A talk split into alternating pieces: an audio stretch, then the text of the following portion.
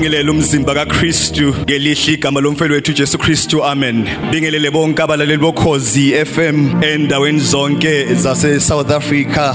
Ngokhethekileyo ngibingelele abantu bonke abakhubazekileyo emhlabeni wonke amen. Isifundo sethu namhlanje sizosithola kuzenzo zabapostoli chapter 3 uverses 1 to 10. Hloko esikhulu sithi uPetru philisa umuntu oyisosha. uPetru philisa umuntu oyisosha masikhulekeni mazomlomo wami nezizindlo zenhliziyo yami. Mazithandeke kuwe Jehova dwala lami nomhlengi wami. Egameni likayise nelendodana likamoya oyingcwele. Amen. Sengibingelele bazalwane sizongena straight ezwini lethu lanamhlanje esilithola kuzenzo zabapostoli 3 sahluko sesithathu verse 1 to 10 sifundeka kanje. Sithi uPetro noJohani bakhuphukele etempelini ngehora lokukhuleka eliyisishiya galolunye kwase kulethwa indoda ethile eyisosha kwasesiswini sikanina ababeyibeka imihla ngemihla ngasemnyango wethempeli othiwa omuhle. Ukuba icebe icele ukwabela izipho kwabangena ethempelini. Kwathi kuba abone uPetro noJohane beza ngakuyena ethempelini beza ngena ethempelini wacela ukwabela isipho. Kepha uPetro wamgqolozela kanye noJohane wathi sibheke. Wayesebabheka ethemba ukuba angamkela utho kubo kodwa uPetro wathi siliva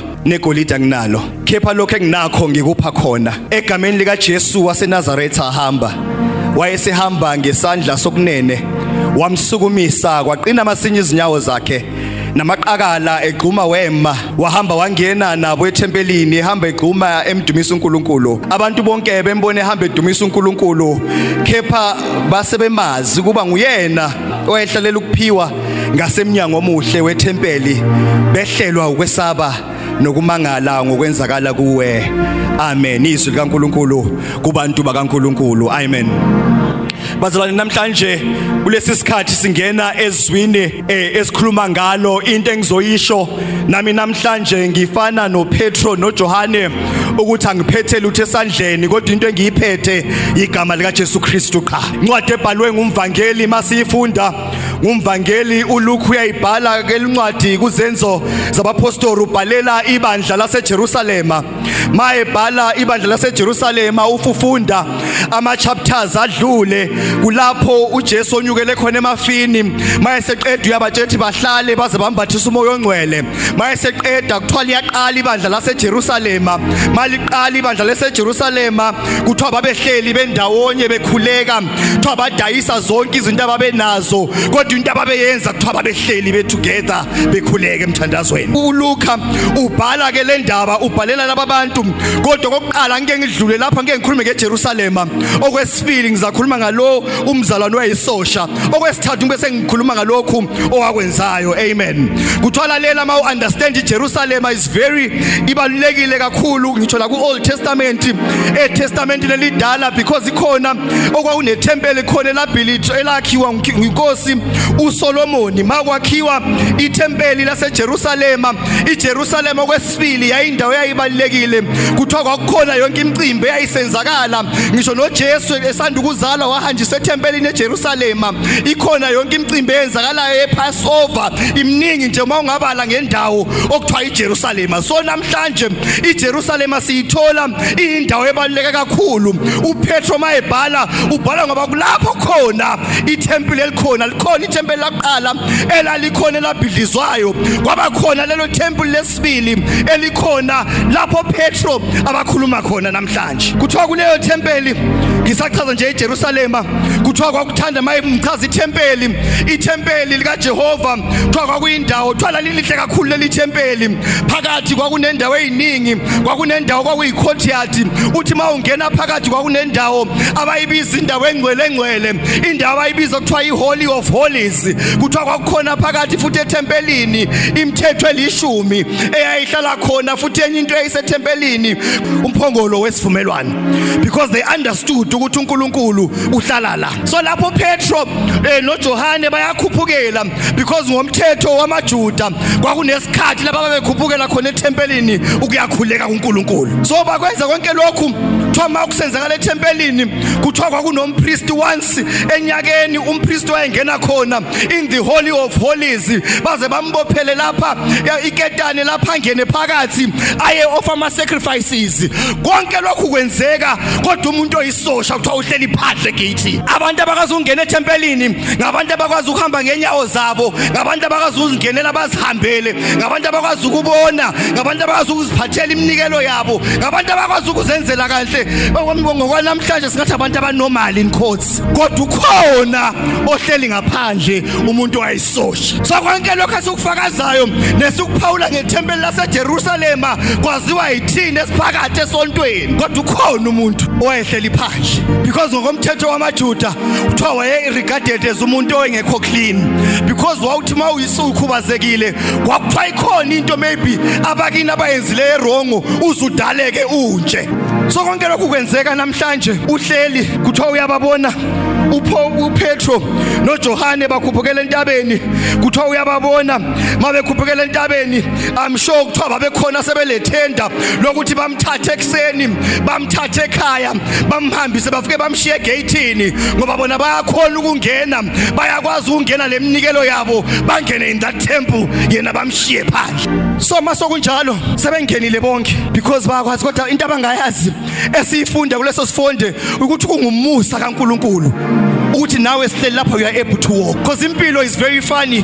Ungathi uphuma lapho wenzeke iaccident la ufanele lo muntu lo wayisosha ehlaliswe phandle kumnandi mawusahamba ngeke ngibona nasemasontweni ethu. Hlala ngisho ukuthi lalela even nasemasontweni ethu sivele siyenze abafundisi bambazwane ukuthi lalela uzothiwa asiphakameni sonke sime ngenyawo as if sonke siyawazi ukuphakama sime ngenyawo kuthiwa sibhekeni ubheka ipowerpoint ekhona kuthiwa bhekani phambili as if wonke umuntu okhona la uyakwazi ukubona. Kuthiwa lalela sisukumeni silalele uyimambela ikeyboard ukuthi izothini as if sonke siyazwe emadlebeni la. Khona isosha sihleli phandle egateini in this beautiful temple lapho kunikelwa khona okukhulekwa khona kodwa ukhona lo esimshiye phandle who is outside of this beautiful gate. Lalela bazalwane. Ikhona into engithi lamanzi abanga ukuthi bakhona mephe ngangifunda nabo.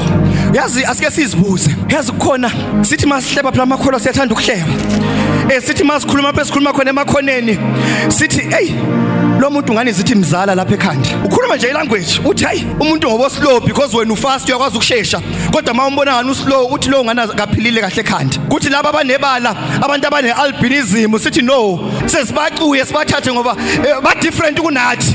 I'm sure iskin sabo mawungabathatha ubenza umuthi khona inotho ongaba nayo. Lalela kuthi laba nje o down syndrome eh eh, ngiyakwazi kwabulawayo bababiza kuthiwa aba osibantu bani? Uzuhlekise ngabe uthotakalana uthokotha amafasteli siyakhuluma lokhu singamakhono sikwenze futhi natural uzuhleke ngomuntu uthi hayi kodwa ingane kaziba nayiphilile ekhaya.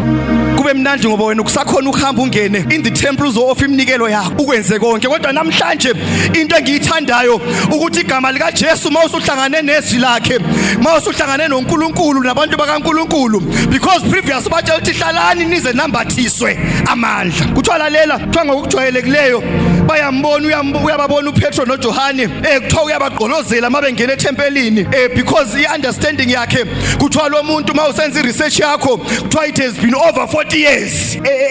Ekhubazekile. Cabanga wena i40 years. Ukhubazekile. Abantu baphakamisa bakushiya gate bangene kuthiwa igate it was a beautiful gate. Kuthiwa itempele kwakuthiwa omuhle gateini. Lalela bakhona abathi mabemthwala msho ngoba uba semseni womuntu bazalwane kunzima. Ngoba umuntu uyatshintsha njengeweather. Uba semseni womuntu kunzima i'm sure babemthatha ngoba bethanda. Kunensuku lapho babevuka khona bengafuna ukumthatha bamshiye. It means ukuthi mabengamthathanga kusho ukuthi wayengayithola ukudla because thwa imali yakhe nakho konke wayekuthola wayekuthola ethempelini. And uzahamba ethempelini because ucabanga ukuthi laba babekhona bengena ethempelini ngabantu abakholwayo bakholwa uNkulunkulu ophilayo. Kusho leminikelo yabo bazothi bedlula bamdabukele bamhawukele bamnikeza into yokuphila. Kodwa mawufunda kuthi ababekhona abafarisi abazenzisi ababe nemjive emide eh lami ngiyaqoka imjive emide bazalwane. Ababe nemjive emide bethi mabenikela thoba banikele befuna ukubukwa. So maybe even mama bemnika babengamniki ngokuthanda kodwa babemnikela ukuthi because isikhona asingene ethempelini simnike ngoba kufanele ukuthi simnikeze. Lalela kuthiwa kodwa namhlanje uhlangana noPetru. uPetru uyamgqolozela abazalwane.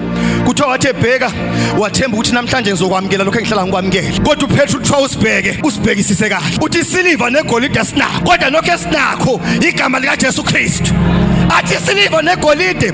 Lokho abahlala bekunikeza khona lapho thina sinakho kodwa sinakho igama lika Jesu Kristu. Lalela igama lika Jesu Kristu liyaphilisa. Lalela linamandla linakho konke. uPetru uyaunderstand because ubonile umusa uNkulunkulu omenzele wona. Umbonile umusa kaNkulunkulu emweza imfula. Umbonile uNkulunkulu ehamba naye utlalela usibheke. Asinakho lokho okunye isilver negolide mebohlala ukwamkela kodwa namhlanje impilo yakhe iyatshintsha ngoba usuhlangane nengadlangadla. Ngeke ukuthi uhlangane noJesu. Ingatshintshi impilo yakho ngoba mawuhlangana noJesu kuba nama turnaround kuba nama changes empilweni ukhona umahluko bakhona. Uthi silver negolide vele uyacela ngoba injayelo uthi silver negolide asinakho kodwa namhlanje sinakho igama siyakunikeza igama lika Jesu Kristu.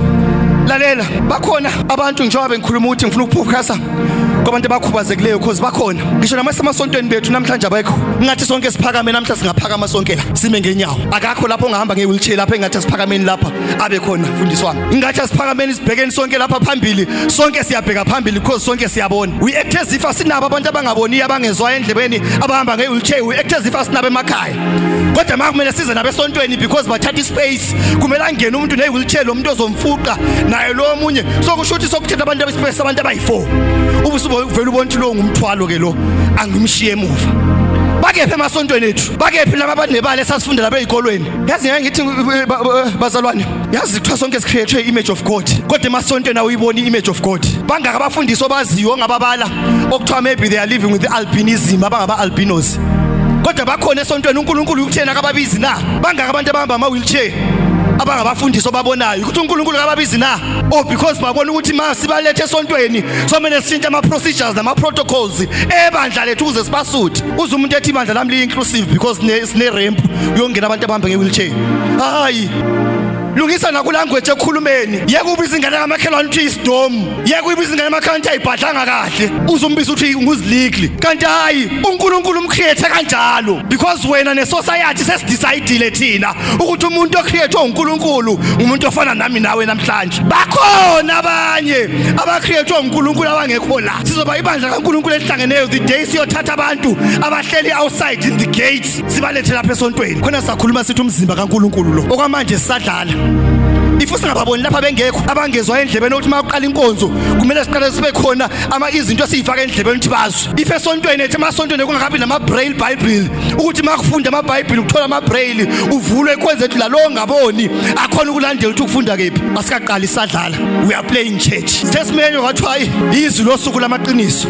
Kumele siwakhuluma amaqiniso esontweni. The day isonto lizaba ne braille bible the day isonto lizaba nama earpiece the day isonto kuzaba nakho konke. So baqala ukuba ngumzimba kaNkulunkulu. uNkulunkulu ohlangeneyo okwamanje mina nawe sa afford ukuthi sime ngenyawo sicule siworship we are still playing church. Up until sesibathathe laba is social that are sitting outside abahleli phandle. In the outside temple sazokuba ngabantu bakaNkulunkulu. Lalela. Basebesithi thwa masibeke sokwenzeke konke. Lalela this person. Kuthi ukuthi phela after for, for, for 40 years has been excluded. Akekho nomphakathi.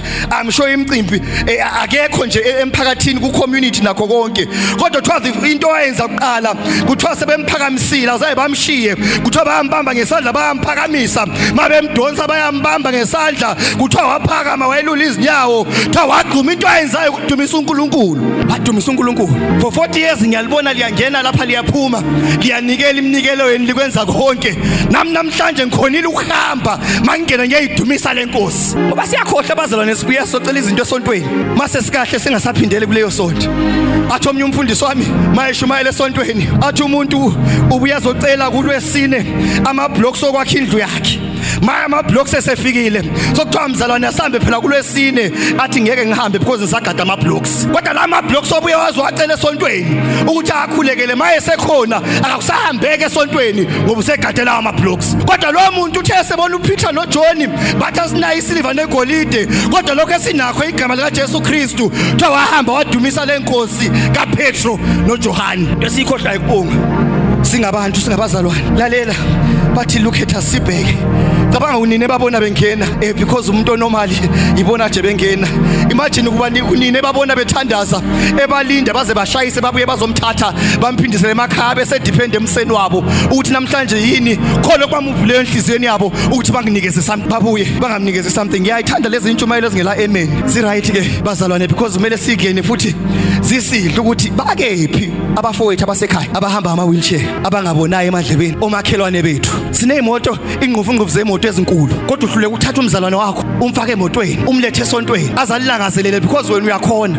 Lalela kuyajika umhlaba. Ukulana nokuvuka u24 hours into enkulu kakhulu. Vuka usuyacisa usuyaclaim imali ye road accident fund. Ubuhamba izolo kodwa lawa usahamba ikusasa kuyoba mnandi nawe mase sikushiye ungasangena esontweni. Because la usungumthwalo phela manje mase sikuthwala sesungena emotweni usungumthwalo omkhulu. Asike sithi masicabanga sike si sibroaden our scope ukuthi masithi umzimba kaNkuluNkulu sike siubheke into uhlangene yini lapho umzimba kaNkuluNkulu. Uba nomela belaphha esontweni ongekho namhlanje. Asike sibabheke sengizohlala phansi. Athi lalela abantu bayamazi ukuthi unguyena cause kuthiwa masufika kuverse 10 kuthiwa khepha babemazi ukuthi unguyena owehlalela ukuphiwa sezethi nikwe igama kuthiwa wayehlalela ukuphiwa. Khepha bayamazi ukuthi unguyena owehlalela ukuphiwa ngoba sesezibane benamagama siyabanikeza amagama bengekho emakhaya. Kodwa lalela It is the power of Jesus. Kungamandla kaNkuluNkulu. kaJesu Kristu aphilisa umuntu. Aphilisa umuntu. Kuthiwa mayeseqedile wahamba wayabonga uNkulunkulu. Singathi sesikutholile bazalwane. Sesiyitholile ihealing yethu nemisebenzi yethu. Nakho konke sibese sisikhetla inkonzo yokubonga. Baleke kakhulu inkonzo yokubonga esontweni. Yokubonga. Yokubonga nje. Uthi baba ngiyabonga. Ngisipho sempilo baba ngiyabonga. Ngokuthulele nami wavuka baba ngiyabonga. Uthi ngisakwazi ukuhamba ngilokuphefumula baba ngiyabonga. Ibaleke kakhulu. Kuthiwa sekwenzile konke wabuya wazobonga. Sengihlala phansi. Khona umzalwane sithe kwenye meeting uhamba ngewheelchair uyenza udoctorate ke manje. Eh uyafika esontweni kuyakhunywa kuyashunyayela kuyakhulekwa kuthiwa kubizwa phambili abantu abagulayo abafuna ukuphiliswa. Uyabuya umfundisi kwelinye ibandla kwelinye izwe uyamlanda uthi hayibo awuhambi ngani phambili? Ngoba kuthiwa kufuna ukukhulekela abantu abafuna ukuphiliswa. Athi othengi nenkinga ngubani? Because all of us ugenesis kuthiwa uNkulunkulu wadala umuntu ngomfaniso wakhe. Ubani osakwambona uNkulunkulu? Maybe uNkulunkulu uhamba ngewheelchair. Usuzaze ufune wena ukuthi uzongifaka phambili ngizophiliswa othengi nenkinga ngubani because i think into yamcikayo ukuthi kuba bonke abantu laba abanenkinga because leza uziboni because bayakwazi ukuzihambela ngenyawo zabo. Uzilanda mina because uyangibona ukuthi mina ngiyahluleka. Ngoba ezami izono ziyakhanya uyazi ukuyimemeza uyilande uyibale uzongitshela ukuthi ngifuna ihealing. Kodwa ngiyifuna ihealing ngoba ngicreated in the image of God ngidalwe umfanekiso kaNkuluNkulu. Kodwa ngiyidinga ihealing what? Because inkinga unenoshini ukuthi umuntu kumele abe ngumuntu onjani. Ngoba wena umele ungifuna ngifane nawe ngicine sengifana nawe sengikwazi ukuma ngenyawo zami. Khona uzoze ungikholele ukuthi ngumuntu opheleleyo. Bathi hayi ngizokhonza mina namhlanje. Because uNkulunkulu wami uhamba ngewheelchair. Sengathi inkosi ngabe usukufunda ushina kwezidayo manje kuzobe phakade. Amen.